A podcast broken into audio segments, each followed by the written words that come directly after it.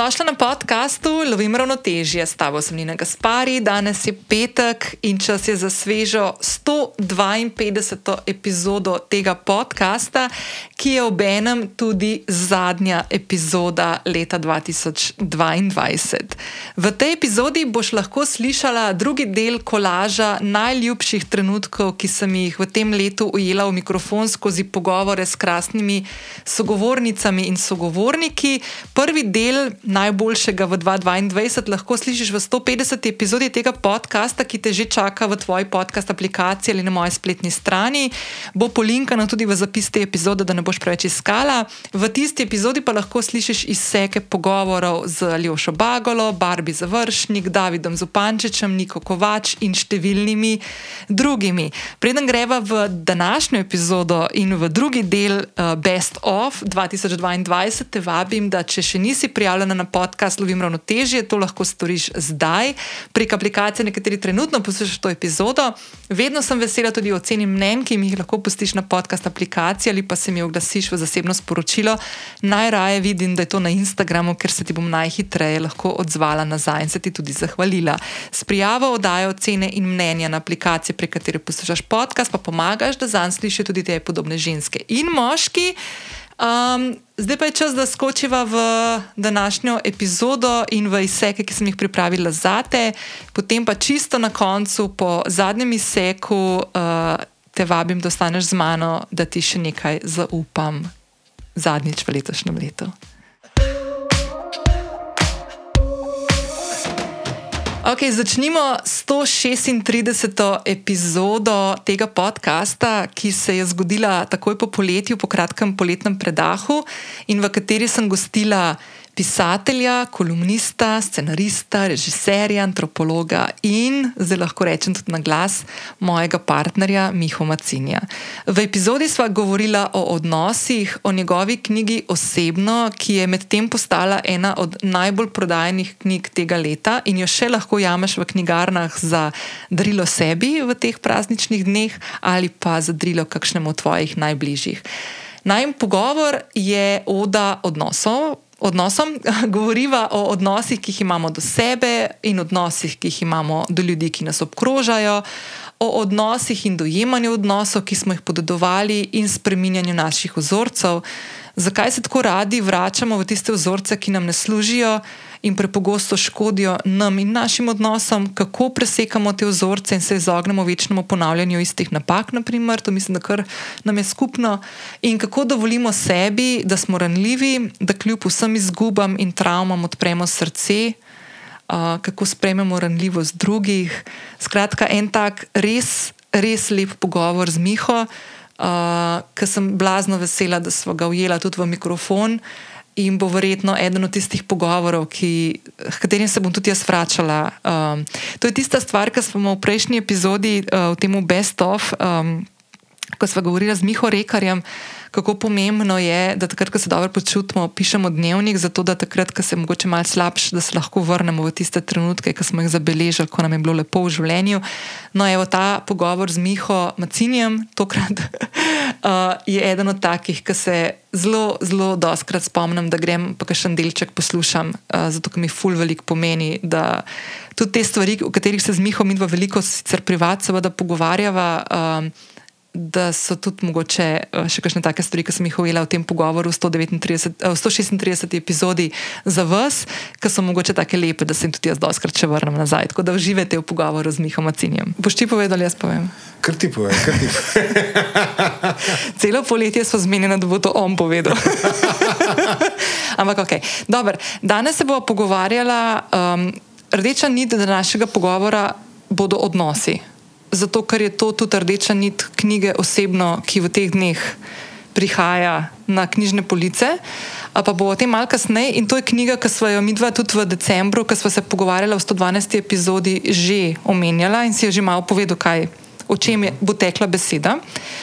Ampak ravno zato, ker se pogovarjava o odnosih, sva se med poletjem zmenila, da ko bo to snemala, bova naredila en disclaimer kar se nam zdi korektno in, in pošteno. Uh mhm. -huh. In to, da smo par, ja. ja. Tako ja. da za vse tiste, ki še niste mogoče vedeli. ja. Ja. V dobi interneta, da je na dej. Ja, ja, ja. Zdaj mislim, da se kar sanja ljudem. Ampak ja, mi dva sva par, uh, ne bova tle neki zdaj šla v detajle, pa to, ampak se bova pa pogovarjala o odnosih, tako, kako jih Ja, ja, doživljava, kakšni so bili najni odnosi v življenju in tako naprej. Uh -huh. In izhajajoč iz tega, kaj si ti pri sebi odkrival na področju odnosov, ki si jih imel v življenju. In In ostalih stvari, ki so bile prepete zraven. Pa pridem malo kasneje do tega. Te okay. bom prvo eno drugo stvar vprašala, zdaj da malo sprostiva, ker smo malo živčna oba. Okay. Um, Mal si že tako omenil svoje otroštvo, pa to, da si bil pet let v garsonjeri, pa bo o tem še malo prišla nazaj. Ampak jaz bi mogoče začela, da se malo navežem, da gremo malo v te odnose, da se navežem na knjigo osebno. Zdaj, uh, knjiga prihaja ven 15. septembra, tako da mm, še čez par dni.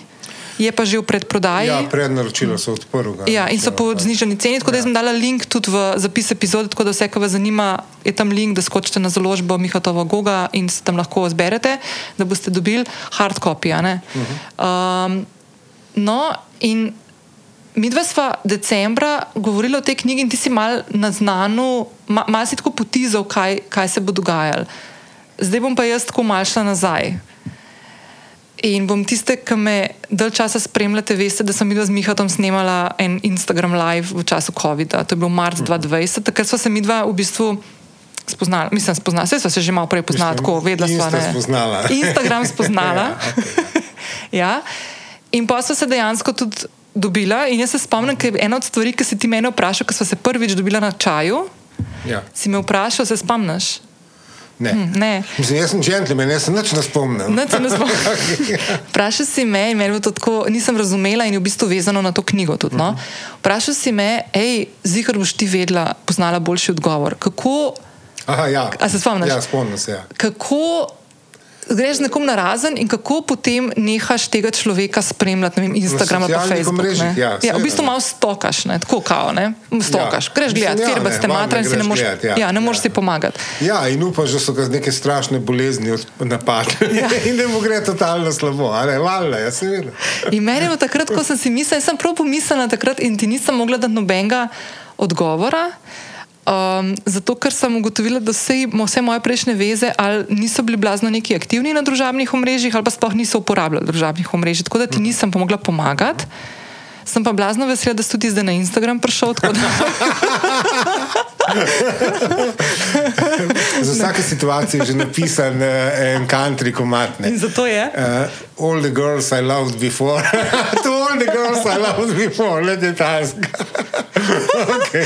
No, ne, ampak to sem zdaj tako omenila, zaradi tega, ker se mi zdi ful dober moment, ker takrat, ko si ti mene vprašal, to sem jaz prvič v bistvu zakorakala tudi v to, kaj je danes ta tvoja knjiga, v čem je. In to je, da si ti tik pred COVID-om imel um, eno izgubo, si doživel in sicer, pa, pa zdaj ti povej, kar je v bistvu point, pa razlog, pa vzvod, zakaj si se lotil te knjige. Hm. Uh, a veš, kaj je? Okay, ja, pač, uh, ti, uh, tista partnerka takrat me je zapustila. a ne, a veš. In zdaj zapustila me je šestkrat zapored. Uh, in in tle je, mislim, uh, šestkrat zapored je malo preveč. no. Veš, je, priznajmo. Ne. Eh, Je pa tako, da uh, veš, te sta pa res dve vprašanji s to principu. Ne. Zakaj bi nekdo v neki zvezi, ki gre čisto ok, zakaj bi nekdo nekoga zapustil šestkrat zapored? Ne, a veš, mm -hmm. in, in drugo, kar je bilo po meni res po, osebno, ne, a veš, po zelo pomembno, ne, zakaj sem jaz to dopustil? Ne, a veš, ker ok, nekdo se premisli, pa pride nazaj po redu, enkrat. Ja. In pa je druga šala, pa pa konc. Veš, ker pa pa nastopi že na stvar, ki se reče samo spoštovanje. Ne, uh -huh. veš, ne da petka, českrat odpiraš vrata. Uh -huh. uh, uh, in, in to je pa vprašanje, ki me pa zelo, zelo, veš, zelo dejansko. Uh, Vzbudilo me je dejansko neka zelo močna čustva, sem bila tukaj v zadnji. Pazi, valjda, če se nek razhaja z nekom, so zmeraj močna čustva. ne. A Veš, ampak tukaj je bil v zadnji še en tak uh, dodaten zid močnih čustev. No, in pa sem prišla no, ven še neka, uh, neki kaos, spomini iz otroštva, ki so se mi zdeli čist neverjetni, in pa sem vedel, da sem v bistvu v buli. Ne, da v resnici s tem uh, odhajanjem, ki sem mu bil priča, preigravam nekaj iz otroštva. No. Eno vprašanje.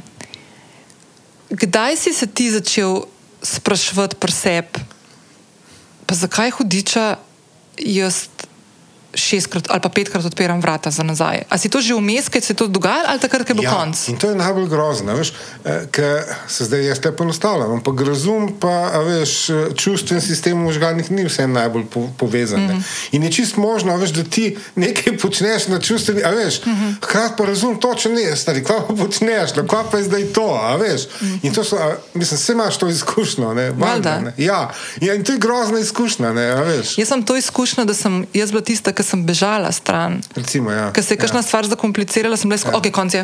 To Ja, je to, ja, ja, ja, dio. ja, ja, Zato, ja. ker ker imaš občutek, da se boš s tem rešil. Ne vem, Ja, veš kaj, enkrat sem spomnil, kaj je bil- bil nek, nek Kozbi šov, sorry, da ga omenjam.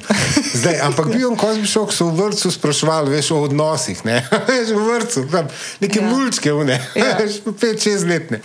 In, uh, in po en ga vprašam, ga te malega, tako da je bil ljudcevska, ne, a je bil. Uh, Uh, mislim, če je bil kaj že zaljubljen, reče: Ja, jaz sem v punco, pa vse to. Ne, in reče: um, Kaj pa se je zgodilo? Pa je pa v vrtec prišel en lepši od mene in ona me je pstila. In pa ga vprašal, pa si se kaj od, te, od tega naučil? Ne? In on reče: Ja, moš punco prej pstiti, koliko je lepši pride v razred, ti moš ti takoj pstiti, sprejem te ona. Da boš zmagal? Ja, da boš in to je to. To je to. Ne, ja. V bistvu ful infantilno Ja, ja, razmišljanje. ampak veš, na nekem nivoju smo zmeraj Ja. to. Ne? Ja, Ja, ja, ja. ja. V 141. epizodi tega podcasta sem gostila dr. Jano Javornik, sociologinjo, raziskovalko in predavateljico na Univerzi v angliškem licu v Štokholmu in v Utrehtu. Z Jano sva se v epizodi pogovarjali o dinamičnih in fleksibilnih delovnikih, kaj kažejo raziskave iz tujine in primeri iz Slovenije, o naprimer štiridnevnih tednikih, krajših delovnikih in tako naprej, kako na naše delo vplivajo notranji in zunanji dejavniki, naprimer ženske in delo, podnebne spremembe in delo, staranje prebivalstva, mlade generacije, ki prihajajo v delovna okolja, quiet quitting, eh, delo in kronične oblike bolezni in tako naprej. Eh, Kje se nahajamo, kaj potrebujemo in um, kako bi se bilo najbolje lotiti teh prepotrebnih sprememb na delovnem področju uh, in nekako bolj zajeti um, to spreminjanje v družbi, tudi v delovno zakonodajo. Z javno smo govorili o tem, kje se nahaja Slovenija v primerjavi s primeri iz tujine, uh, govoriva pa tudi o tem, zakaj produktivnost ni povezana s številom ur, ki jih preživimo na delovnem mestu ali za delo ali z računalnikom. Naprimer. In ena stvar, ki se je potem naknadno zgodila, zelo ne toliko časa nazaj, um, če to poslušaš v realnem času in definitivno potem, ko smo z Jano posneli pogovor za to epizodo, je, da so prišle ven raziskave in rezultati raziskav uh, v podjetjih, kjer so upeljevali štiridnevne uh, tednike. Da dejansko to, kar smo se z Jano tudi v epizodi, uh, 141. epizodi tega podcasta pogovarjali, da so te zastareli vzorci, ki jih danes poznamo skozi delovno zakonodajo, tudi pri nas, ne 8-urni delovniki, 5-dnevni de tedniki in tako naprej, dejansko nimajo nobene povezave s tem, kako smo pri svojem delu učinkoviti, produktivni, kako hitro znamo narediti določene stvari uh, in premikati svoje delo in seveda delo podjetja, v katerem delamo ali za katerega delamo, uh, naprej v neko smer razvoja. Tako da uživajte v pogovoru, v tem kratkem, kratkem izseku pogovora uh, z Jano Javrnik. To si zelo lepo povedala in to je še ena od stvari, uh, ki, ki naj jo na nek način vrača k tisti tezi o tradicionalnem delovnem okolju v Sloveniji, predvsem o tem, da imamo pred sabo pogosto tradicionalnega zaposlenega, tradicionalnega delavca. Praviloma je to moški, ne, ki, ki, ki se lahko življensko posveča svojemu delodajalcu, um, ki ima vse ure dneva na razpolago za to, da je na voljo za uh, plačano delo. Um, In seveda to ni tipičen delavec. Uh, tudi, recimo, tudi moški ne, nimajo več uh, izključno ene samega vira identitete, enega samega poslanstva v življenju. Um, ampak še ena stvar, ki, ki je morda, ki sem jo opazila, ker sem namreč v času teh, te, tega ključnega preloma uh, bila na nek način delodajalka, ne, torej sem vodila uh, cel direktorat, ker je bilo od mene odvisnih kar nekaj ljudi. In uh, sem opazila v Sloveniji, uh, pogosto pozabljamo. Ne samo na to, ne, da so naši, naši zaposleni individuumi z specifičnimi potrebami, specifičnimi življenjskimi okolji, s kompleksnimi življenjskimi uh, scenariji, ampak tudi to, da mi nimamo med svojimi, del, med svojimi zaposlenimi zgolj staršev. Imamo tudi ljudi, ki so uh, skrbniki, uh, bodi si svojih ostarelih staršev, teh je vedno več, glede na to, da se staramo. Uh, imamo med svojimi zaposlenimi veliko sandvič generacij, ki so dobesedno pritisnjeni, stisnjeni ne, med skrb za svoje otroke in skrb za svoje uh, ostarele, odvisne starše. Uh, po drugi strani imamo recimo uh, ljudi, ki skrbijo za svoje partnerje, za svoje sosede, za svoje uh, prijatelje, ki so odvisni od njih. Ne, -huh. ne na zadnje imamo tudi ljudi, ki skrbijo za svoje živali in jim je to uh, enako pomembno. In Recimo v Sloveniji se pogosto temu uh, posmehujejo, ne, češ, da skrb za žival ne more biti enakovredna skrbi za, za človeka. Mislim, to bom prepustila vsakemu uh, posebej, ne, kaj, kaj se bo o tem mislil. Ampak uh, človeku, recimo, ki mu je, ki ne recimo skrbi za uh, uh, therapy, therapy animal, kako se temu reče? Žival terapevtsko, terapevtsko žival, tako ne, je, recimo, je njegov ali pa njen blagor v resnici odvisen od, od blagorja te živali. Ne? In to so, to so zadeve, o katerih se v slovenskih delovnih okoljih zelo redko pogovarjamo. Um, tudi, recimo, če se vrnemo nazaj k temu tipičnemu tradicionalnemu delavcu, mi smo le narod Martinov Karpanov in Petrov Klepcev. To se, pač, se pač res ne spodobi, da, pri, da priznaš, da imaš uh, kakršne koli težave, kamoli psihične težave. Mhm. In, ali pa težave v duševnem zdravju, ki niso nujno eh, neki hujši problemi, ampak so mogoče samo vem, težave z nespečnostjo. Um, potem pridemo do tega, recimo, da se nam, ker se nam delovna sila stara. Ne? Mhm govoriva o, o naraščajočem deležu žensk v perimenopauzi, ki, lahko, ki se lahko vleče več kot desetletje, potem ženske v menopauzi, ne na zadnje so tudi moški ne, v andropauzi, pa se o tem sploh ne pogovarjamo, ker. Kot rečeno, v državi Petro Klepcev in Martino Karpanov tega ni, ne? smo vsi zdravi, smo vsi ok. Um, in potem se zapijaš in samo moriš. Uh -huh. uh, in tega imamo tudi zelo veliko, in se tudi o tem, recimo, ne, ne, ne pogovarjamo um, odprto. Potem imamo pa tle ne, soočanja z temi velikimi medgeneracijskimi razkoraki. Namreč uh, na trg dela je začela aktivno vstopati generacija Z, torej zumerji. Uh, in, naprimer, en povprečen, čist povprečen delodajalec mora trenutno upravljati štiri različne generacije zaposlenih. Torej, od boomerjev, generacije X, uh, generacije Y, milenicev, do, do generacije Z. Alfa je še v šoli. Um, in recimo, poznamo te generacije, predvsem iz ameriških študij, in seveda so zaradi tega tudi specifično karakterizirane v okviru ameriškega konteksta. Ne? Slovenske so zagotovo popolnoma drugačne, ker smo pač slovenci kulturno drugače pogojeni kot američani. Ampak vendarle, eh, te generacije so neke vrste analitski okviri, ne? analitska urodja. Um, ki nam nakazujejo ključne preobrate uh, v tem, kako mislimo. In mlajše generacije, recimo, ne vidijo več dela kot tisto ključno identitetno mhm. osnovo, brez katere nas ni in zaradi katere smo, recimo, izgubili 600 milijonov moških ob razpadu komunizma na svetovni ravni, ker se jih je namreč toliko ali hudo zapilo ali pa samo morilo. Um, In te mlajše generacije na nek način redefinirajo, kaj pomeni uh, plačano delo, kakšen je odnos do dela. Prej sprašujejo tradicionalne oblike dela, uh, prej sprašujejo 8-urni delovnik, 40-urni delovnik, 5-dnevni teden. Um, in zdi se mi, da se s tem, ne, sicer so manjše, te generacije so občutno manjše od boomerjev, pa, pa generacije X, recimo, ki pripadam jaz, ne, to smo tam rojeni pozna 70. -hmm. oziroma v poznih 60-ih, pa tja do srede 80-ih. Mm -hmm. In si predstavljaš, recimo, delodajalca, ki mora upravljati s takimi štirimi raznolikimi generacijami ena, ki ima uh, izredno bogato zgodovinsko, uh, zgodovinski spomin podjetja, recimo, uh, in drugo, ki pravi, da mu je ali pa je življenje zunaj uh, zaposlitve vsaj enako, če ne pomembnejše od plačane zaposlitve. In uh, upravljati z, z, z takimi generacijskimi um, razkoraki in različnimi vrednotami je velik izziv. Ne? In zelo pogosto se to kar prepušča um, neposrednim vodjem, ki pa niso ravno vedno vsi uh, primerno opremljeni za upravljanje s tem. Ne? Jaz sem se zadnjič pogovarjala z eno kolegico, ki dela na eni od oglaševalskih agencij že po mojem, če bom rekla 20 let, se ne bom, ne bom pretiravala. In je rekla, da verjetno še nikoli prej kot to, pa ni jej čarovka. Ne? Se pravi, ona ima svoje delo, ki ga mora upravljati, plus ukvarjanje z. Ekipami, večjo, več, večjo ekipo. In je rekla, da toliko, se ukvarja, pa ne v tem smislu, da je odveč, ampak na, kako globoko se mora ukvarjati s temi mladimi, ki zdaj prihajajo. Rekla mi včasih, ko smo bili na faksu, pa smo le med njimi, ne, tako, je bilo tako delo v oglaševalske agencije, to je bilo tako. Najbolj za medmen situacija, zaželeno, uno, kaj vse bi dal, da bi tam lahko bil. Ne. Danes ne, je to, ne, ne morem reči, skoraj obratno, da jih moraš totalno navdušiti, da pridejo mladi, pri, da delati, ampak da dejansko se moraš z njimi zelo, zelo, zelo ukvarjati in pogovarjati in jih razumeti, ne? da v bistvu to pričakujejo, da razumeš tudi to njihovo dinamiko in njihove želje, potrebe in tisto, kar jim je prioriteta. Ne? kar mogoče mi nismo niti, niti upali izraziti.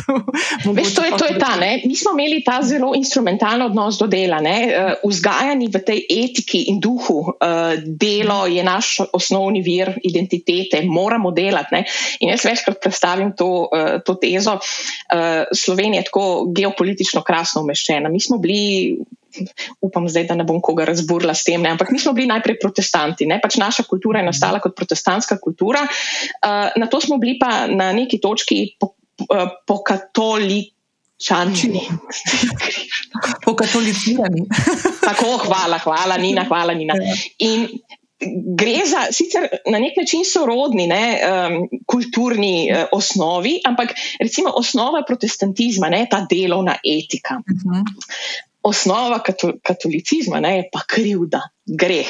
In zdaj si predstavljaj, ne, da, smo, da smo se znašli na, na, na, na skrižju teh dveh, ne, ne nehno delati in potem ta perenjal večna krivda in greh, če ne delaš vse čas. Ne. Mhm. In to se mi zdi, da se je skozi skoz generacije kulturno zelo dobro zasidralo. Um, ampak lej, vsaka generacija šteje cirka 25 let, tudi več, ne? nekatere, so, nekatere so večje, pa smo prišli do skoraj 100, 100 let, ne? do, do te nove generacije in mislim, da je res skrajni čas, da, da, da, se, da se prevrednoti ta odnos do dela. Nedolgo nazaj, v 148. epizodi, sem gostila Vido Igličar, eh, ilustratorko, grafično oblikovalko, pisateljico, ki se je vrnila. Vida je namreč že gostovala v 69. epizodi, ki smo jo posneli januarja 2021, torej skoraj dve leti nazaj. Takrat je Vida izdala svojo prvo knjigo uh, eh, 100 dni za boljšo mene. In v 148. epizodi nadaljujeva tam, kjer smo ostali januarja 2021. Uh, eh, Vida je namreč potem, ko je izdala knjigo, v kateri je govorila o svoji izkušnji z izgorelostjo, in uh, v bistvu v eno tako lepo knjigo uh, dala izzive tudi za nas, uh, kako lahko bdimo nad svojim razpoloženjem in kako se skozi samo spoznavanje lahko um, lotevamo določenih izzivov, ki jih ima vsak od nas v življenju, uh, se je soočila um, strahovi in tesnobo, ki sta bili do takrat neznani. Uh, tako da smo se v bistvu zelo veliko pogovarjali o tem, kako lahko iz neke zelo uspešne izku, neke izkušnje z uspehom in z nekim lepo in uspešno zaključenim projektom, kot je bila izdaja prve knjige, kako lahko človek v bistvu um, se sooči, čeprav so lepi trenutki, tudi s kakšnimi takimi spet traumatičnimi izzivi. Uh, tako da smo z video v tej 148. epizodi veliko časa namenili temu, kako uh, upravlja s svojimi strahovi in tesnobo, ki so jo ujeli, kaj dela danes in kako upravlja s svojim razpoloženjem. In seveda, vida ne bi bila vida, če ne bi te svoje poti in svojega samospoznavanja. Uh, dajala v nek sistem, uh, ki bo v kratkem, ko bo izdala svojo drugo knjigo, na voljo tudi nam, da bomo lahko prebirali njeno pot, njene izkušnje in potem skozi svoje samospoznavanje vsako od teh izdanih knjig, ki prihajajo v naslednjem letu. Um, Naredili knjigo malo bolj našo, tako da uživate v pogovoru z vidom. Kje je tista stvar, naprimer, pa mogoče malo tako težko vprašanje, kje je tisto spoznanje, do katerega si ti prišla, ki se ti zdi, da je tako največji preboj naredila v tem obdobju, ki si se ko si bila na bolniški, pa si začela spremenjati te vzorce, pa razmišljanje, pa dojemanje sebe, konc koncev. Mm. Ja, je kar težko vprašanje. Mm mm, ampak zdaj, ko gledam, se mi zdi, da še pol po tem obdobju, po izgorelosti, se mi zdi, da so mi preizkušnje predvsem pokazale, koliko je pomembno biti v stiku s sabo. Mm -hmm. Ja, jaz sem zelo rada strukturirana. Tudi to analiziranje sebe, meni je to blizu. Um, ampak Aljoša Bagola res dobro reče, da si dajemo opravke, zato da nimamo opravka s sabo. Uh mhm. -huh.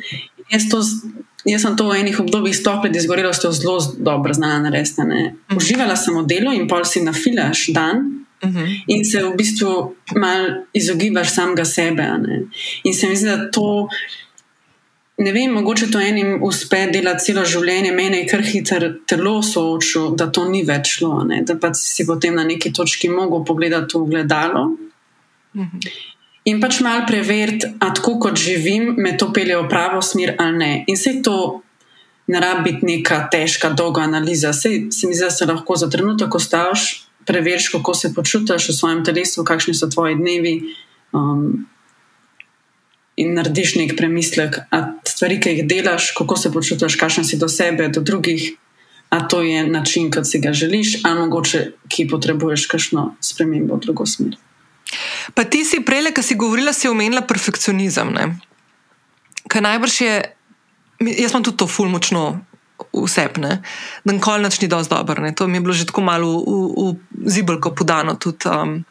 Ampak ena druga stvar je, da imaš ti še delo, ki ga upravljaš, ki je v bistvu zelo tudi prepleteno s tem, da, da hočeš narediti stvari, da so čim bolj popolne, da so čim lepše narejene, da, so, da je naročnik na koncu zadovoljen in tako naprej, vizualno, ne rečemo, v navednicah. Um, kako si ti, ker jaz imam občutek, da je mogoče ena stvar, s katero imam jaz še kar izziveno, je umirjanje tega mojega glasu, ki noter skozi meni pravi. Pa lahko rečem za čisto vsako stvar. Zdaj, ko snemamo, imam občutek, da je ful bilo bolj to vprašanje zapeljala.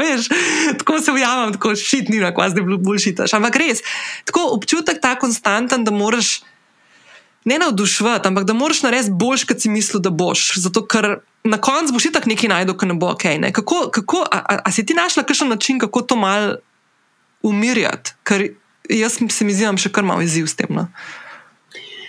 Um, Da ne bom izpadla pametna, vsekakor imam tudi jaz še vedno izziv s tem. Um, se mi zdi več pristopov, nekih, ki se mi zdijo pomembni. Postavljati jasne meje, um, vedeti, v čem si dober, um, in biti. In pač biti, se mi zdi, realen do sebe, vedeti, da nisi. Um, Da nisi vse mogoče, da se ti lahko zgodijo napake, um, da ni popolno, če, pač, oziroma da ni zaželjeno, če se ti zgodijo napake, ampak pač da se je. Mhm. Um. A veš, tle sem jaz tako, doskrat se tako ujamem, ne, da če razmišljam o tem, kako handlam stvari presepne, ker to mi je bilo ful všeč, kar, in le smo se mi da ful podobni, ker, ker sem šla jaz skozi te svoje procese. Um, sem v bistvu ugotovila zelo kmalo, da si moram, uh, ja, tudi to je bilo. Veš, pa sploh, ko smo na svoji podjetniški poti, ne? ali pa ki delaš v nekih uh, zelo intenzivnih uh, delovnih okoljih, kot so naprimer agencije. Mhm. Zna delo ful posrkati. Še posebej, če je to neko delo, pri katerem uživaš, ni tistih mej. Zdaj, jaz sem pri sebi, na primer, opazovala, da ko sem šla na svoje, jaz sem tako, po mojem, 8-9 let rabila da sem znala meje znotraj tega svojega fizičnega in časovnega prostora v dnevu postavljati med službo, med delovnimi obveznostmi in med mojim prostim časom. Um, Ker se mi zdi, da to je en tak res velik izziv, če delaš od doma in če, ali pa če si sam, ki delaš stvari, da hitro zgubiš ta občutek za čas. In ena od stvari, ki mi je prej ful všeč in tle se ful strinjam s tabo, je, da je delo eno od stvari, ki jih počneš v življenju. Ne? In da ni delo tisto, kar te determinira. In, naprimer, jaz se zdaj ful, ful pazem, tudi ko se z nekom srečam, pa nekoga imam ob sebi, pa bi jih rada spoznala. Vedno je bilo tako, ne, da bi rekla, to je pa vida, ona je pa ful dobra ilustratorka, pa grafična oblikovalka, pa avtorica te knjige. Ne, ne, bi, ne, ne bom rekla, to je pa vida, ki je naredila amazing stvar, da je v stotih dneh v izzivu naredila totalen premik v svojem življenju in zdaj to tudi druge oči. Oziroma jim ponuja neko pot, ne, veš, da, da si več od tega, kar te delo opredeljuje. Ne. In ena, ja. od stvari, en, ena od stvari tukaj no, je to postavljanje mej, kako rečeš ne. ne. opuščanje tega perfekcionizma, pa zapolnjevanje stvari s tistimi stvarmi, ki so uh, življenja s tistimi stvarmi, ki so te ful pomembne. In, um, No, se nimamo vprašanja, zdaj sem ugotovila. Um, ja, Vmes je mene prešila, spomnila sem se na eno misel, ki imam zapisano. Brala sem knjigo uh, Darovi minevanja od Mance Košir, uh -huh. um, kjer si noter dopisuje z enimi ljudmi, ki jim je smrt ali pa bolezen sebe ali pa bližnjih. Um, Ki jim je pač blizu v izkušnjah, uh -huh. in ena izmed ljudmi, s katerimi si dopisuje, tudi njena hčerka Tina. Uh -huh.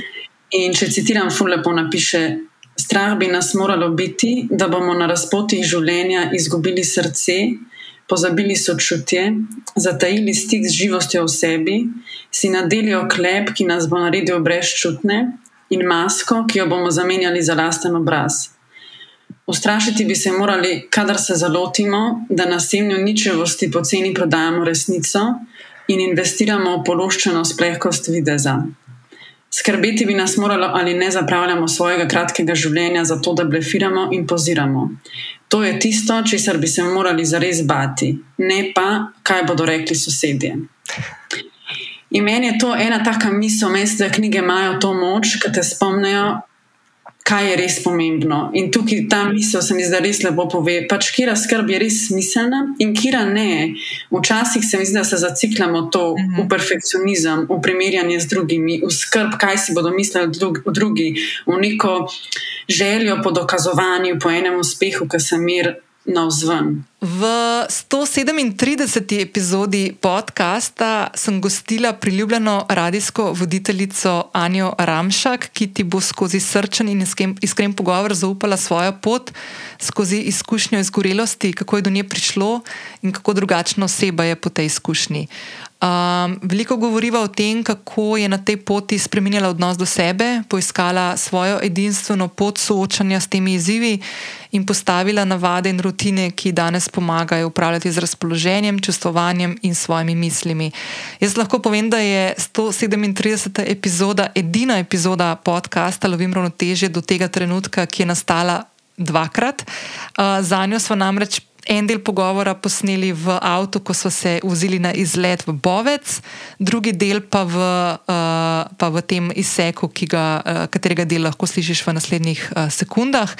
Um, eno stvar, ki sem jo hotela še povedati, je, da je ena od tem uh, zelo pogostih. Um, Na katere naletim, ko se pogovarjam s svojimi sogovornicami in sogovorniki, so tudi izkušnje izgorelosti, uh, izkušnje depresije, mm, tesnob, uh, paničnih napadov. Uh, tako da so določene stvari, ki se mal ponavljajo skozi podcast, skozi pogovore. Je pa ena stvar, ki je blazno pomembna in zakaj se mi je o teh stvarih zelo, zelo pomembno pogovarjati in odpirati prostor za take pogovore. Vsak od nas ima, ima različno dojemanje teh stvari, ko se nam zgodijo, vsak od nas najde različne poti, uh, ki nam pomagajo, ali pa tehnike, urodja, ki nam pomagajo se soočati uh, s takšnimi izzivi. In se mi zdi fulepo in pomembno, um, da prisluhnemo takim zgodbam, ker verjamem, da se iz vsake lahko tudi kaj naučimo in vzamemo nekaj zase. Tako da uživajte v tem kratkem izseku z Anjo Ramšak. Ampak tukaj si imela eno ful zanimivo, uh, ful zanimivo stvar, da, kar se mi zdi tako pohvale vredno. No, in malo mogoče izstopa od zgodb, ki sem jih slišala od drugih, ki so imeli podobno mm. izkušnjo. In to je, da, da ti je zaposlovalec rekel, ne, mm. ne boš zdaj prišla, rabaš. Ja. In da so ti pustili prostor in čas, da si se mm. pač tist, s tistimi prvimi načini začela ukvarjati mm. s, proble s tem problemom, ja. da si poiskala pomoč, da si, si vzela čas zase, zato mm. da se umiriš, zato da se začneš postavljati praktično na noge spet. Mm. Kar je v bistvu nekaj čist. Malo mal drugače, ponavadi, ko ljudem ne verjamejo. Ne, mm jih ne zanima, ali pa se, mislim, spoh jim je to čisto relevantno, da ja. bolniška tam do enega meseca. Še doskrat se kakšni zdravniki znajdejo, še mm. vedno, da ne prepoznajo izgorelosti, čeprav je to neka taka stvar, ki se mi zdi, da tako se vedno več govori, plus vedno več ljudi tudi prihaja ven, kar je super, da si tudi mm. ena od teh, da daš ta pomemben mozaik, veš, da ljudje, ki se soočajo s tem, rečejo. Šit nisem edini, ki se mi to mm. dogaja. Ne?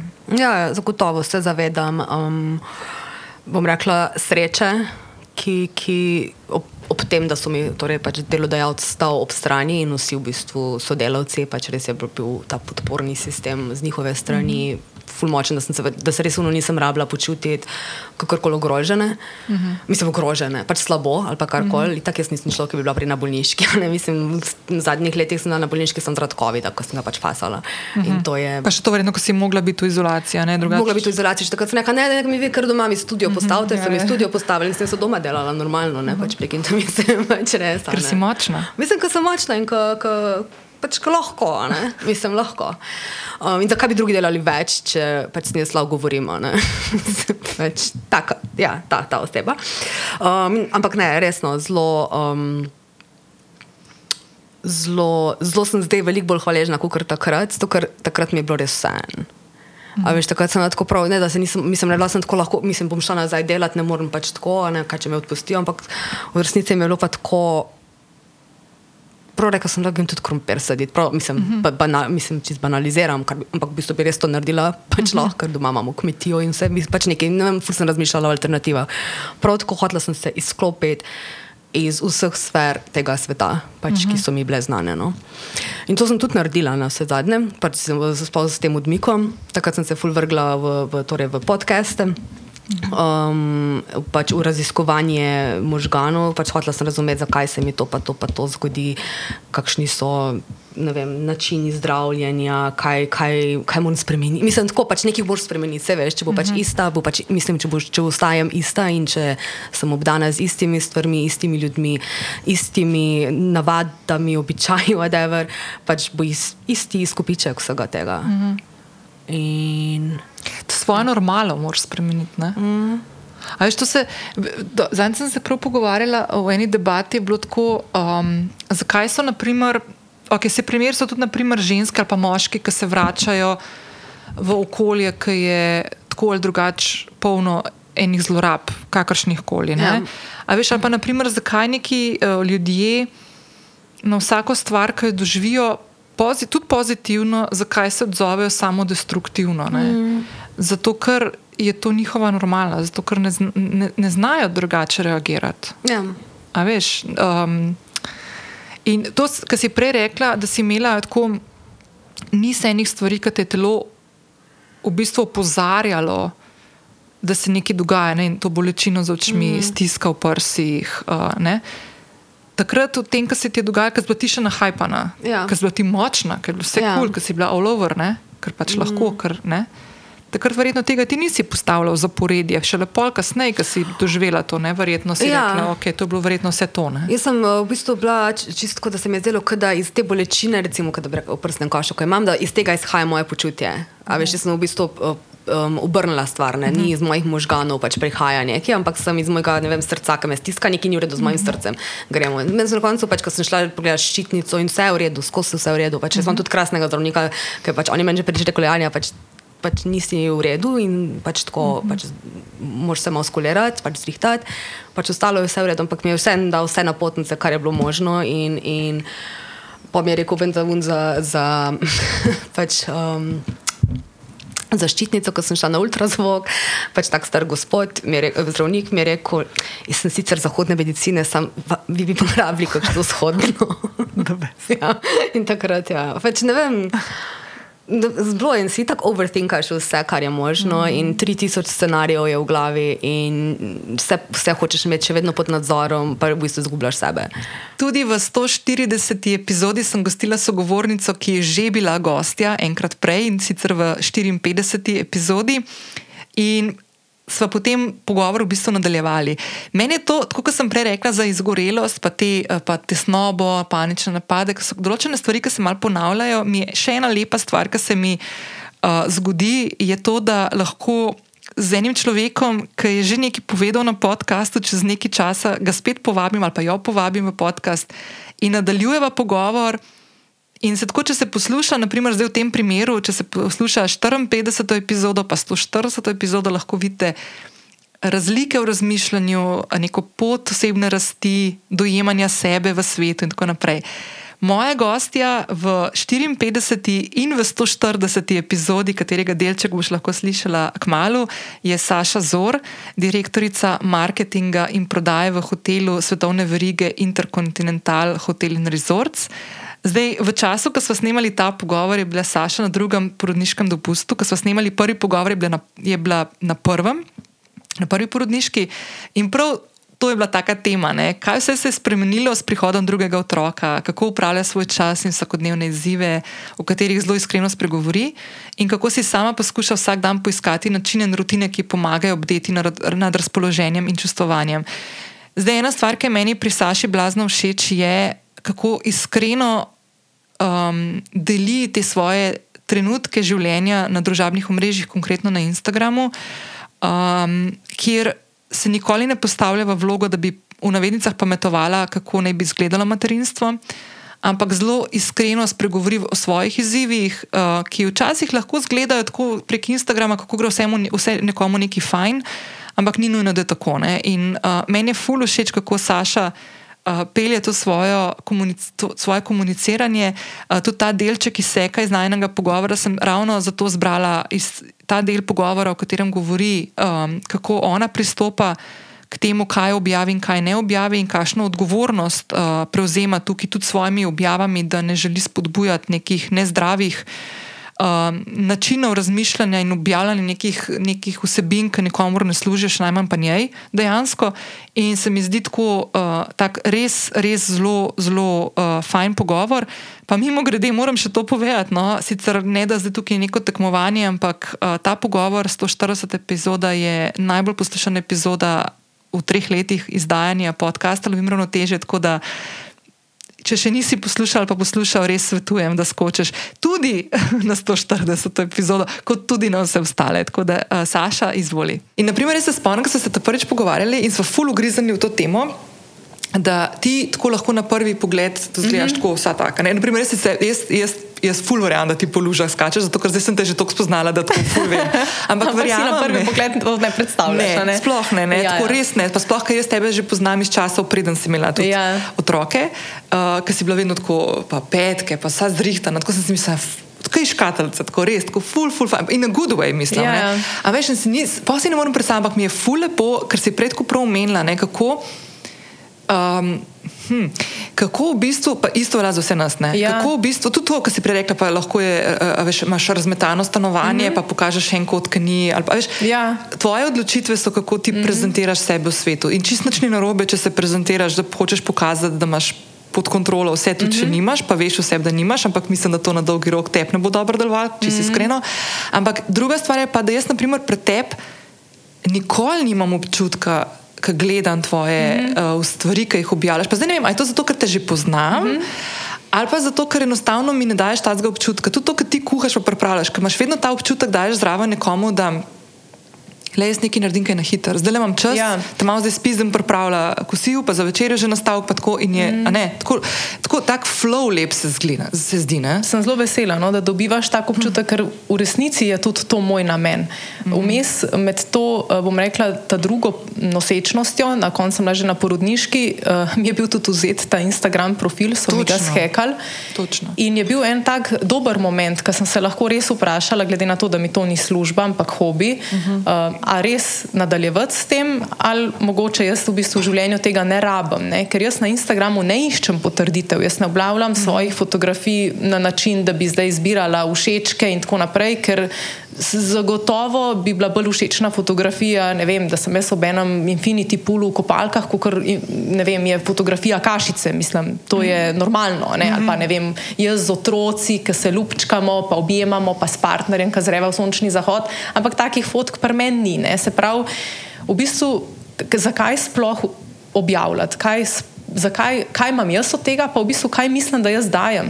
In jaz sem prišla do zaključka, da sem si čist samozavestno priznala, da imam jaz z Instagramom občutek, da skupnosti nekaj dajem. Da jaz -hmm. res verjamem, da nekdo tam zunaj, ki me mogoče ne pozna, tako kot ti, od mene lahko pobere nekaj pozitivnega navdiha in dvigne pač svoje mm -hmm. življenje na en višji nivo. -hmm. um, to se lahko zelo narcisoidno sliši, če je vzeto iz konteksta, ampak jaz res ne želim objavljati nedosegljivih stvari, ne želim mm -hmm. poudarjati jarka, da je na razno razne znamke, ne vem, unboxinge, eh, brandiranih čevljev in take stvari, ampak želim pokazati, da načeloma res, če daš ta brokoli v vodo, nastane juha in je topla večerja. In če tri sestavine skupaj vržeš, so zraven še palačinke in to narediš s potoma, medtem ko imaš dojenčka v roki in uh -huh. tako naprej. In dom diši pol po tismu cimetu, po zelenjavi, praženi ali karkoli.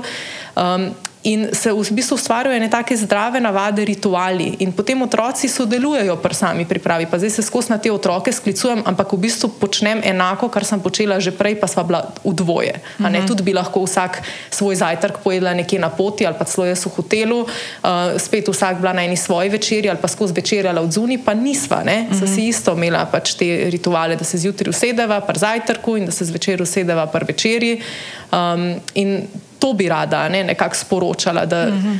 delo na sebi, delo na teh drobnih ritualih na koncu prinaša zadovoljstvo, ker kar naenkrat ima dan smisel, strukturo, uh -huh. In to rabimo, pač ljudje smo ustvarjeni mm. za to. Vse znotraj tega je veliko priložnosti za biti spontan, pa sproščen. Mm -hmm. Ampak uh, ljudje smo narejeni tako, da smo v bistvu pripadamo nekemu sistemu, že od mehanga smo tako narejeni. Hodimo v šolo, je red, je v vrtu, je red, se gre po kosilu spati, potem mm -hmm. ne vem, prosta igra, je vodena igra. Ne? In tako tudi ljudje funkcioniramo. Je čas za delo, za zabavo, za sprostitev, za pripravo, za telovadbo.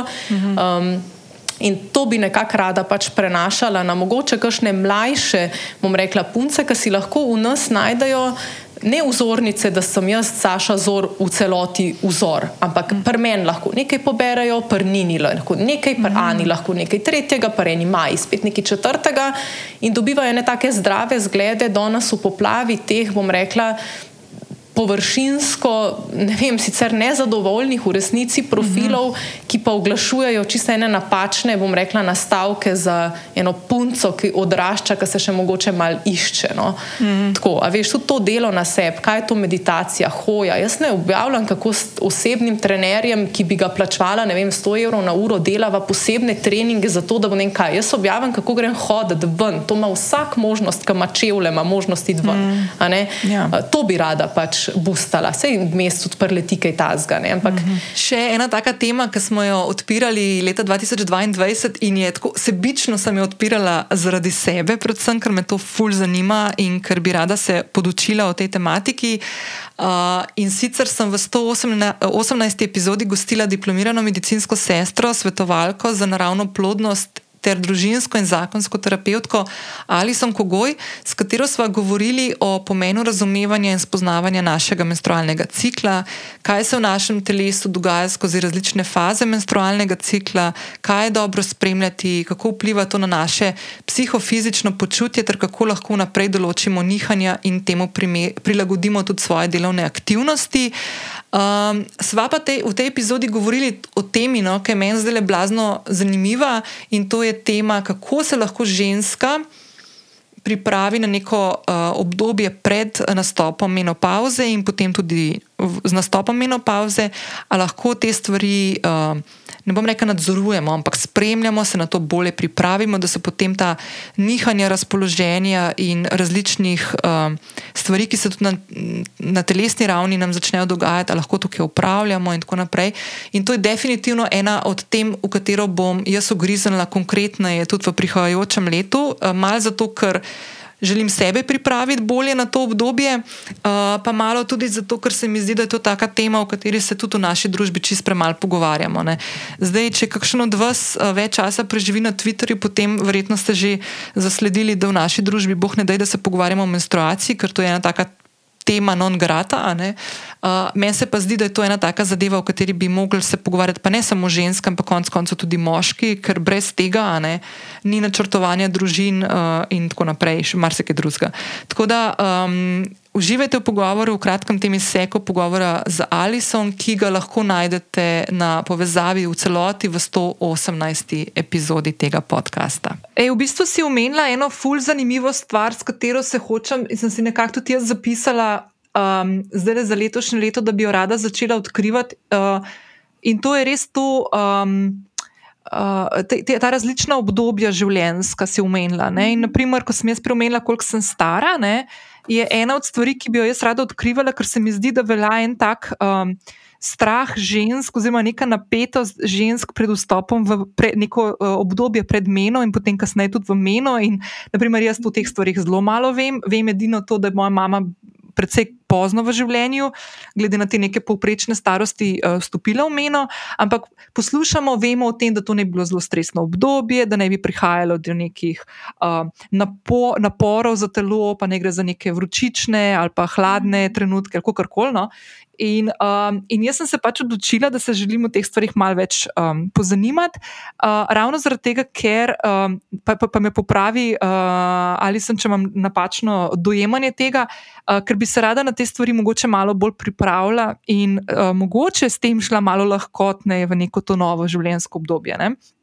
In zdaj, ena od stvari, ki me fulj zanima, ne, je verjetno to, da je povezano to tudi zelo z hormoni, in tukaj pač pridemo potem še do ene teme, ki bi jaz rada odkrivala, uh, konec koncev tudi do imunskega sistema in krepitve in tega. Pa me zanima, ali se ženska lahko skozi leta pripravi na neko stopno novo tako obdobje, ali je to težko? Lahko se pripravi. Ali pa tako, kot si ti rekla, da večina žensk se tega ustraši, ali pa v bistvu noče sprejeti tega počasnega prehoda. Uh, ja, v bistvu tle se zgodijo neke hormonske uh -huh. spremembe, vse to se ne zgodi kar čez noč. Veš, veš, to je proces, da v bistvu naši jajčniki uh, pešajo, ne delujejo več tako um, intenzivno, kot v tej najbolj plodnem obdobju življenja ženske. Uh, In posledično, ja, seveda so to tudi ene hormonske spremembe in telo se želi temu prilagoditi. Ne? Zato ima v bistvu telo uh, razno razne simptome lahko. Ne? Od tega, kar si rekla, oblivi, sprememba kože, sprememba mhm. telesne teže, sprememba v razporeditvi maščevja po telesu, uh, lase, recimo, se spremenjajo, nožnica lahko postane bolj suha in tako naprej. Ne? Tudi spremembe v čustvovanju. Uh, Uh, to je v bistvu en odziv telesa, ker se, ker se mhm. skuša prilagoditi na to neko novo hormonsko stanje. In to je povsem naraven proces. Ne? Zdaj, meno, to, to obdobje pred menopauze, uh -huh. veš, včasih tega ni, ni, ni bilo, ali pa je bilo to obdobje zelo kratko, zato ker ženske so bile. Leta nazaj, večino časa noseče, večkrat noseče, pa, pa, pa tudi življenjska doba je bila ful krajša kot je danes. Tako da, recimo, kakšna ženska niti tega obdobja ni, ni izkusila, ni bilo te priložnosti. Um, zdaj, ja, tle sigurno velja uh, kot priprava, nekaj si omedla. Ja, en zdrav, ustrezen življenjski slog, pač skrb za svoje zdravje. To je nekaj, kar res že ptički čivkajo. Vedno, ko pridemo do te teme, da se pogovarjamo o nekem zdravju. Uh, pridemo do tega, ja, da je treba skrbeti za svoje zdravje, prehrana, telesna aktivnost, obvladovanje stresa uh, in tako naprej. Ne? Se pravi, tle tudi to velja. Ne? Po drugi strani pa res se zavedati, da mm -hmm. ja, jaz se poslavljam od enega obdobja v življenju, ne na zadnje, jaz se poslavljam od svoje plodnosti, se pravi od te možnosti in priložnosti, da sem jaz lahko temu življenju dala neko novo življenje. Ne? Um, tudi, tudi en recimo, čas za, za refleksijo. Mhm. A, a, jaz, a sem jaz živela, oziroma ne sem, ali lahko jaz živim ene svoje želje, svoje sanje. Ne? Kako sem jaz do, do tega obdobja lahko mhm. živela svoje življenje? A, a, a živim to, za kar sem prišla na ta svet izpolniti? Je to ena priložnost za eno samo refleksijo. In kaj lahko še naredim, ker zdaj ni konc življenja, ni konc sveta. Ne? Jaz vstopam v neko drugo plodno obdobje, v neko novo življenjsko dimenzijo, kako jo želim živeti, kako jo želim uh, okušati. Zdaj tudi pravijo, ne, da je to eno obdobje, ko ženska vstopa v to življenjski čas, ko pa ona bolj modra. Ne, ona ima za sabo že veliko enih izkušenj, preizkušenj, ki v bistvu služijo tudi zato, da se ona bolj utrdi, oziroma da je bolj utrjena in da postane ena zrela, uh, modra, samozavestna ženska. To je namen. Ne, ne, ne samo, da imamo ta pogled, uh -huh. ok, oh, fulvenih simptomov zdaj pride, to bo zdaj naporno, kaj mi je tega treba. Um, ampak res, da začnemo v tem obdobju tudi videti počasi eno priložnost. Ja, in seveda počasi tudi eno spuščanje tega, uh -huh. uh, ko enih, ko enih stvari, eni, ene stvari ne bodo več možne, ne? konkretno spočetje. To je nekaj, kar ja, se treba na nek način sprijazniti in včasih ženske to kar malo šokira. Veš, jaz sem danes, mislim. Ja, imam ženske, recimo, ki so stare tako 45, recimo, ne, pa razmišljajo o tem, da bi, da bi pa zdaj postale mame. Ne. Tako, ne, to je zdaj mal tak dvorezen mhm. meč. Ne, ja, en, en velik del priložnosti za to je v bistvu že za tabo. Tako, k temu nas v bistvu tudi vabi to, to uh mhm. -huh. obdobje, ta prehod. In to je prehod, ja, ker kot pravim, uh mhm. -huh. ne pride čez noč. Zdaj, zadnji dve, uh, zadnji dva izseka sem pa namenila dvema osebama, ki sta gostovala v letu 2022 v podkastu Lovim Ravnotežje in sta definitivno osebi, ki me najdlje časa poznata. In sicer še iz gimnazijskih časov. Uh, v 119. epizodi sem uh, gostila Gregorja Možeta, ki je moj gimnazijski sošolec, v bistvu bil v paralelki. Uh, se je pa sam predstavil kot ljubitelj zvočnih knjig in potovanj, pa kot oče in mož. Drugače pa Gregor tudi ortodont, ki je v svoji zasebni ordinaciji Orto MG v postojni pred skoraj štirimi leti tudi meni polepšal moj nasmeh, tudi o tem veliko govoriva. Se pa v epizodi pogovarjava o lovljenju priložnosti, o spoznanjih, do katerih smo prišla, ko smo živela v Londonu. Gregor je sicer živel bistveno dalj časa v Londonu kot jaz, ker je tudi tam študiral. Potem govorimo o samorefleksiji, pa o hvaležnosti. Pa zelo veliko časa namenjava tudi temu, um, da se pogovarjamo o tem, kaj vse je dobro vedeti in vprašati, ko se odločamo za ortodontsko zdravljenje, uh, kdaj se je za tako zdravljenje dobro odločiti in kako Gregor pristopa in načrtuje pacijentovo pot, da je ta čim bolj udobna, ne boleča, hitra in prilagojena načrtu in ciljem vsakega pacijenta posebej.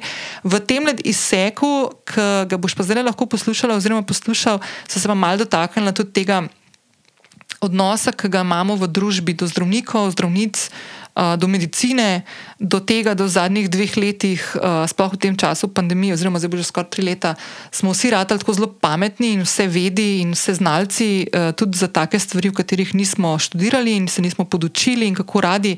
Vsak od nas, mimo grede tudi jasno, delimo neko svoje mnenje in za njim stojimo, kot bi bilo najbolj prepoznan, prepoznano dejstvo, ki ga podpirajo vse raziskave tega sveta. Ne. Tako da se mi zdi včasih to tako debato dobro uh, odpirati. Um, tudi v prejšnji epizodi, v 150, ko sem zbirala venček uh, naj, najbolj priljubljenih delčkov, sem zbrala Davida Zupančiča, uh, uh, infektologa na UKC Ljubljana, ki govori tudi o tem, ne, kako. Uh, kakšne izzive imajo zdravniki, uh, sploh v zadnjem času, ko, ko se pacijenti doskrat uh, ne bom rekla, postavljamo na njih, se to, tudi jaz včasih kakšen živski zgubim. Ampak tako, da v bistvu smo postali tako zelo nestrpni v tem nekem komuniciranju, konc koncev, tudi ne samo do zdravnikov, ampak tako generalno gledano in kako se moramo malo bolj vrniti v to neko spodobnejše komuniciranje. Tako da, evo, Gregor, uh, beseda je tvoja. Zato sem prikimaval in govoril, sem točno vedel, da boš to omenila. Ja. In tega je tudi v našem krogu zdravstva, zobozdravstva veliko. Ne? Ja. Je to prvo kot prvo, tako kot recimo Angliji, ali pa Madar, to je bil celo, ne vem. Imajo neko nezaupanje, imajo večjo zaupanje do Nemčije, kao, kakšne šole so pa to, je neko nezaupanje do nas bilo. Ne? In tudi ja. zato, dejansko je tako, nemški ortodonti, ki, ki zaključijo študij, takoj dobijo službo. Mhm. Mi smo malo uh, um, nas morajo več testirati, da vidijo, ko znamo. Ja. Zdaj, če pogledaš, je veliko, vale, ker v zdravstvu primankuje osebja ne? in prihajajo zdravniki, zobozdravniki iz juga, iz Makedonije, vse povsod. Vale, ja. Prihajajo zato, ker potrebujejo. Uh, dobro, eno je pač, kar rekle, boljše okolje ne, za živeti. In mi avtomatsko si mislimo, da imajo oni slabše znanje. Ja. Jih ja. takoj popredajo. In, in je res, ne vem, ali to imaš odcepljeno notri.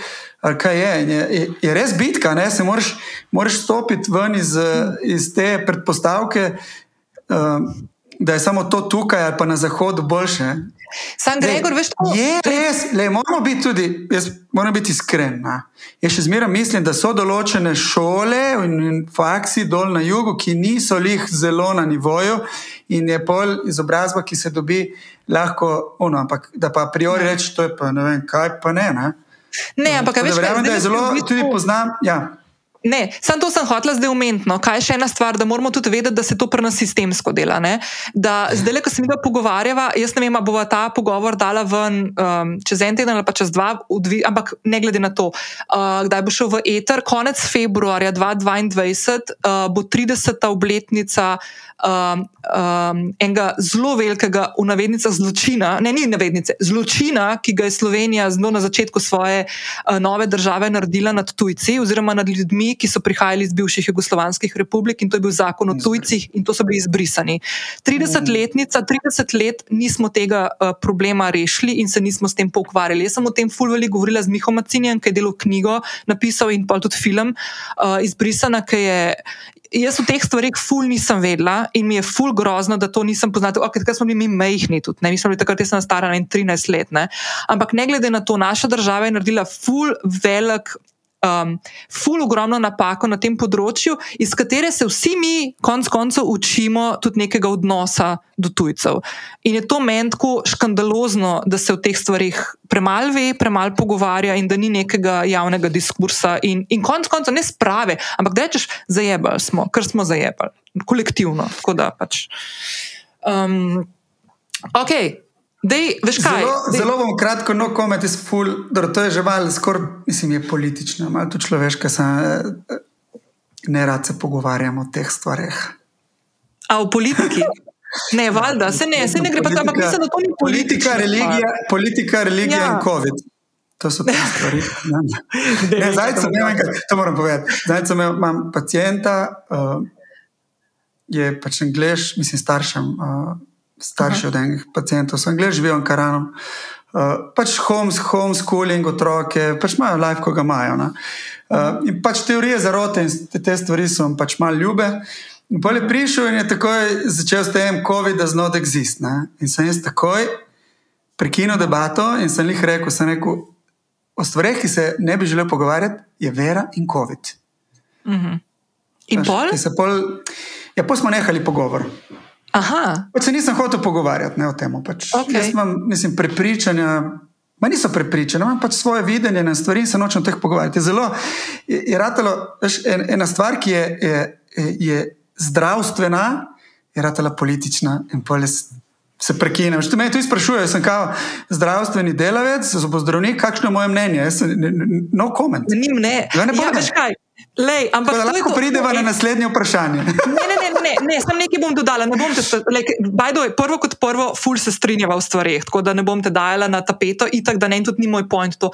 Ampak ena stvar, ki sem jo že parkrat tudi omenila tle na podkastu, je, da ljudje ne znamo ločevati to se je zdaj fully skazalo v, v, prav v tej pandemiji, da ne znamo ločevati med uh, doka znanstvenimi dokazi in, in mnenjem. Mnenje je čustvena reakcija na neko informacijo, dokaz oziroma neko znanstveno spoznanje je pa pač neka, uh, neke zadeve, ki se jih v času testira, pregleduje in valjda se lahko v času tudi izkaže, da mogoče kakšna stvar ni bila pravilna, valjda, ker znan, znanost konstantno sama sebe preverja. Ne? Tako da te stvari mi malo ne razumemo. Druga točka, ful sem vesela, da si povedal, kako meje postavljaš, ker se mi zdi to ful, ful pomembno, konc koncev, da ima vsak od nas pravico tudi povedati, kdaj se o kakšni stvari ne želi pogovarjati. Tudi če si neka oseba na nekem položaju, konkretno, naprimer, ti kot nek zdrav. Dela, človek, ki dela v zdravstvu. Še ena stvar, ki se mi zdi pa ekstra, ekstra pomembna. Za, jaz ne vem, če si ti gledal ta film Don't Look Up na Netflixu. Ne, Ampak je, ne, glej ga. Jaz, ena stvar, ki ne bi želela biti v zadnjih dveh letih, je oseba, ki dela v zdravstvu. Sam povem to. Ker, okay. Raz, raz, ker obseg nebulos in, in nespodobnega obnašanja, ki se odvija v družbi, ne samo naši, kolektivno gledano, globalno gledano, uh, kako se uh, eni prepucavajo z nekimi scenami, strokovnjakom, mislim, ne vem. Zdaj si, okay. zdaj si odprla eno skrinjico. Nisem. Zdaj, kar pa jaz, ima, ti si zdaj rekla zadnje dve leti. Jaz, jaz, Aha, no, odkar okay. sem prišel iz Londona, vidim, veš pogled na. Okay.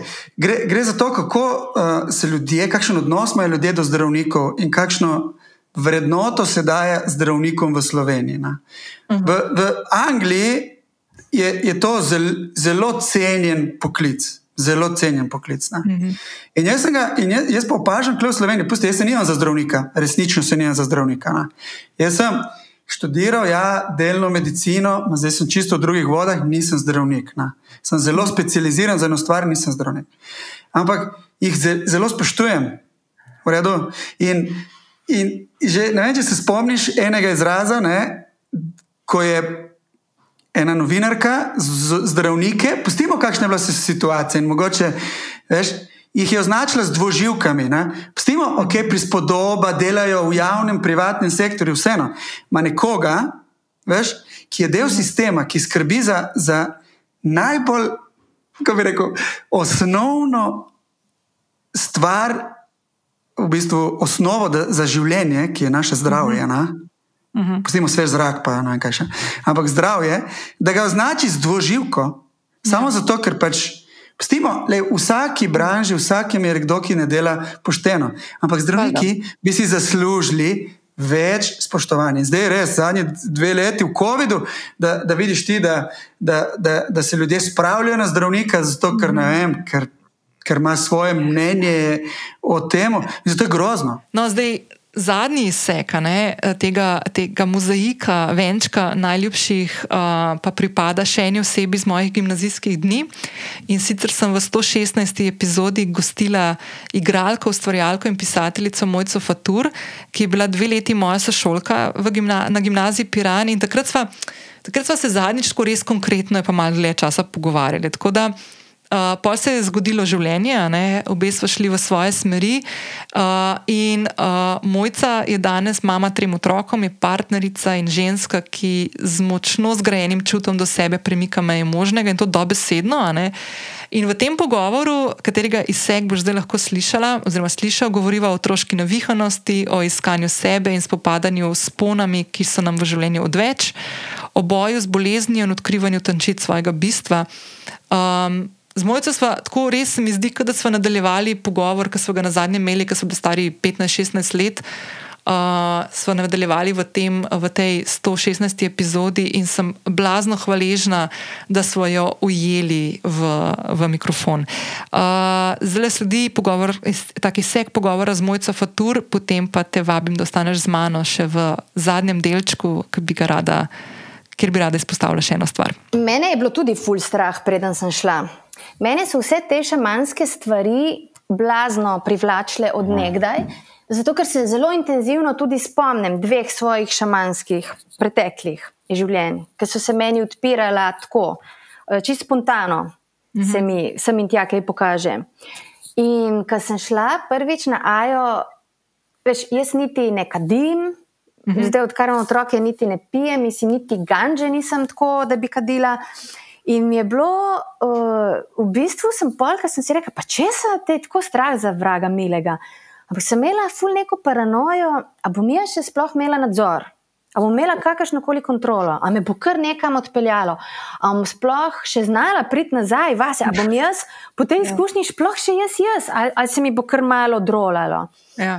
Ampak um, ne, vse je bilo super. Se pa meni vseeno zdi zelo pomembno, da vsaj prve izkušnje, ki jih imaš s svetimi rastlinami, jih imaš z ljudmi, ki res vejo, kaj delajo. So ljudje, ki trdijo, da nima veze, da to naredi sam doma. Ne, ne, men, ne, no, no ne. Ogromno ljudi slišim to, da je nehi, ampak ne. Jaz, na primer, od malega ful zaznavam tako, že energije, zelo hitro vem, vidim energetsko polje človeka, vidim, kje je kaj zataknjeno. In pač na obredu s svetimi rastlinami je pa to, kot da sem izpotencirana, ne vem, kiro potenco. Mhm. In jaz, na primer, sicer sem bila v svojem. Uh, procesu, ampak če sem pogledala, kaj je čez, naprimer, prostor, sem ker kdo imel kakšno malce bolj vem, dramatično tam potek, sem točno videla, naprimer, kaj se mu je nekje. In če je prišel človek, v navednicah šaman, pri nas jih itak ni tako teh pravih, ampak vseeno, ki je znal delati s temi energijami in je videl, je full hitro stvar, mislim, veš, neki popiha. Mhm. Ne vem, kaj začenta, z roko kaj zamahne, in vum se sprosti. Mhm. To ni res, kaj eni trdijo, da je vse skupaj larifari. Mislim, res ljudje znajo delati s tem. In se mi zdi mhm. pomembno, da ne, ne, ne, ne, sebi človeka. Ja, ja, to jaz tudi mislim, da se pogovarjamo. Jaz sama zase ne bi nikoli šla neki tako, veš, da bi tam doma ali pa pri nekomu. Ne, to je treba nekomu iti, ki se s tem ukvarja, pa res, res ve, kaj dela. Absolutno. Ja, in se mi zdi, da je prav, da imaš res spoštovanje do rastlin, mhm. da se zavedaš, da so to res zelo močni spiriti, um, da greš full odprt ne da imaš že vnaprej neka pričakovanja, kaj bi ti rad. Je prav, mislim, super, da rečeš, ok, ne vem, rad bi videl to, pa to, pa to, ne vem. Ampak da si hkrati odprt za vse ostalo, kar ti ima za pokazati. Jaz, na primer,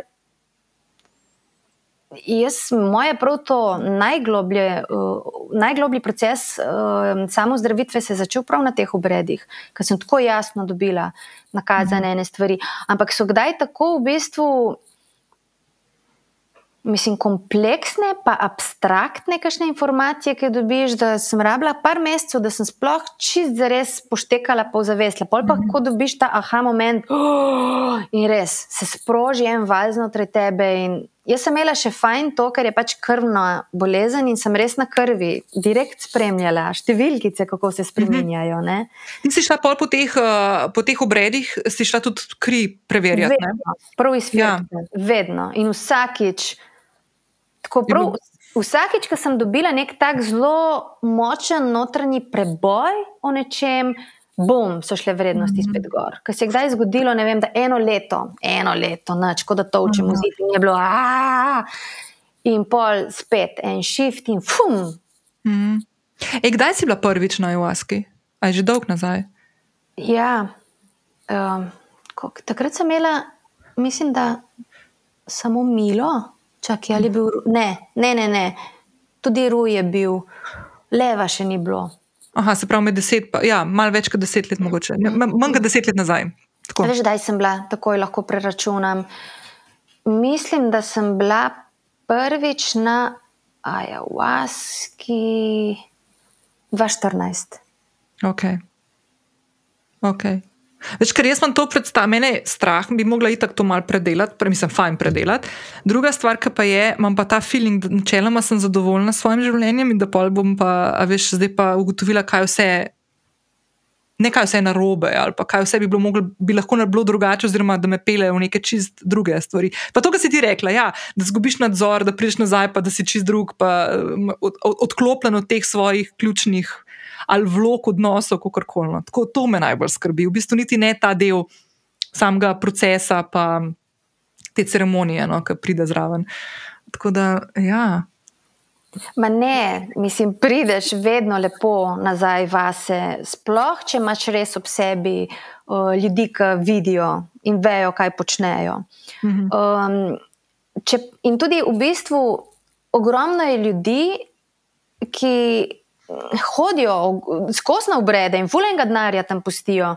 Ampak, ki jih vidiš, ki ne vem, skupaj z njimi hodijo že mesece in mesece, ni nekih ful velikih sprememb.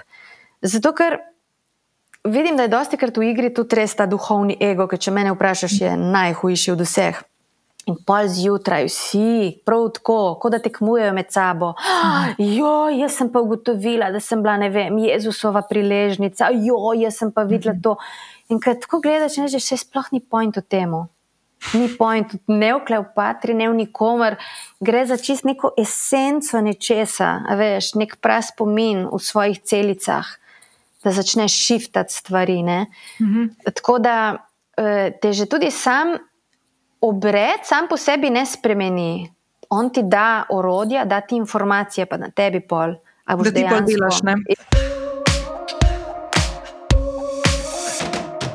Evo, to je to. Um, podcast Lovim ravnotežje ti želi in jaz ti želiva uh, eno lepo, lepo zaključevanje leta 2022, uh, en lep skok v leto 2023. Jaz se blazno veselim uh, naslednjega leta.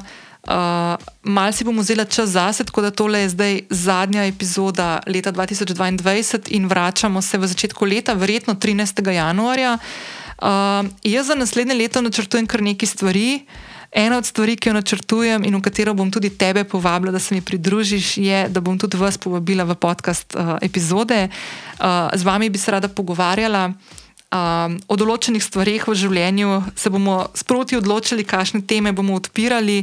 Um, vabila vas bom, da se boste predstavili z imenom ali pa primkom ali pa anonimno, ampak res, res bi rada, tako kot ste zdaj lahko slišali v dveh epizodah, v 150 in tej današnji 152, tak venček pogovorov življenjskih. Uh, s posamezniki v naši družbi, take pogovore bi rada imela tudi uh, z vami. Um, tako da velikrat ste me že pocukali za rokav, da bi kakšno stvar tudi podelili. Uh, ob poslušanju kakšnih pogovorov ste se spomnili, da imam pa tudi eno tako izkušnjo, bi bila fulj zanimiva za poslušati. Evo, to vse prihaja naslednje leto in številne druge stvari. Zdaj se blazno veselim.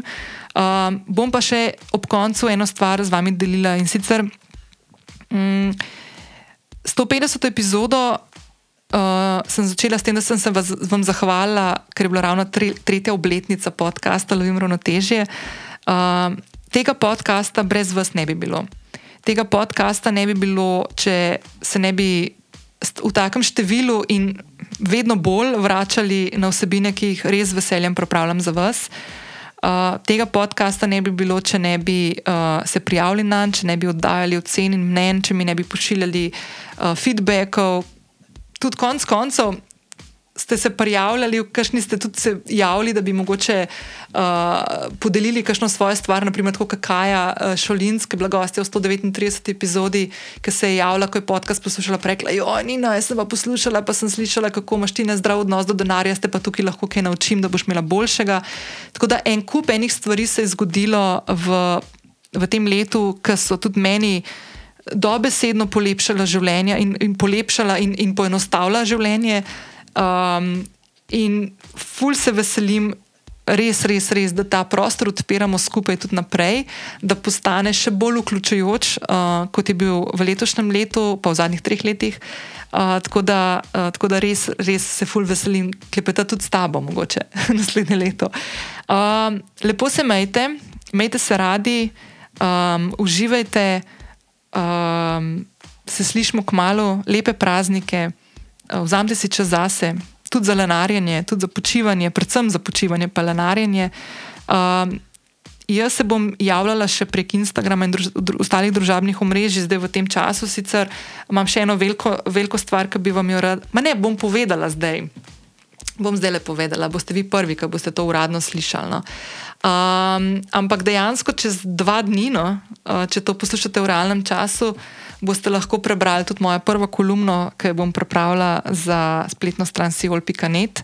Uh, bila sem povabljena, da delim svoje misli tudi tam in, bom, in sem se z veseljem odzvala. Ful me je strah tega, ker je to nek nov medij, ampak se blazno veselim.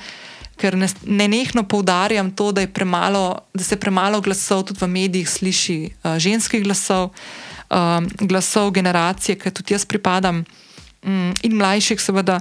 Uh, in ko sem dobila to vabilo, sem najprej hotel se skriti pod kavter, misleč, da jo, kaj imam pa jaz, kaj pametnega zapovedati, so še druge ženske, ki zihar imajo kaj več, pa kaj bolj pametnih stvari, kot jaz zapovedati. Um, ampak sem se pa odločila, da ravno zaradi tega, ker skozi to govorim, kako pomembno je, da, um, da povemo svoje misli na, na prijazen, spodoben način, na vključujoč način, da mogoče skozi svoje pisanje ali pa konec konca, ne vem, kako je podcast Lovim ravnoteže, skozi, skozi govorjenje odpiramo neke tematike, ki so nam skupne, s katerimi lahko mogoče kakšno lučko prežgemo tudi nekomu, ki posluša ali pa bere stvari, ki so se nam zgodile. Um, enostavno pol nisem mogla reči. Ne bi. Ne. Tako da sem, bom ugriznila v to, uh, se fulj veselim tega in te bom tudi povabila, da skočiš uh, vsako zadnjo nedeljo na siol.net in prebereš še kakšno dodatno stvar, ki bom napisala in podelila z vami. Lepo se majte še enkrat, lepe praznike, uživite, majte se radi in se slišmo v letu 2023. Blazno se veselim in hvala še enkrat, ker si.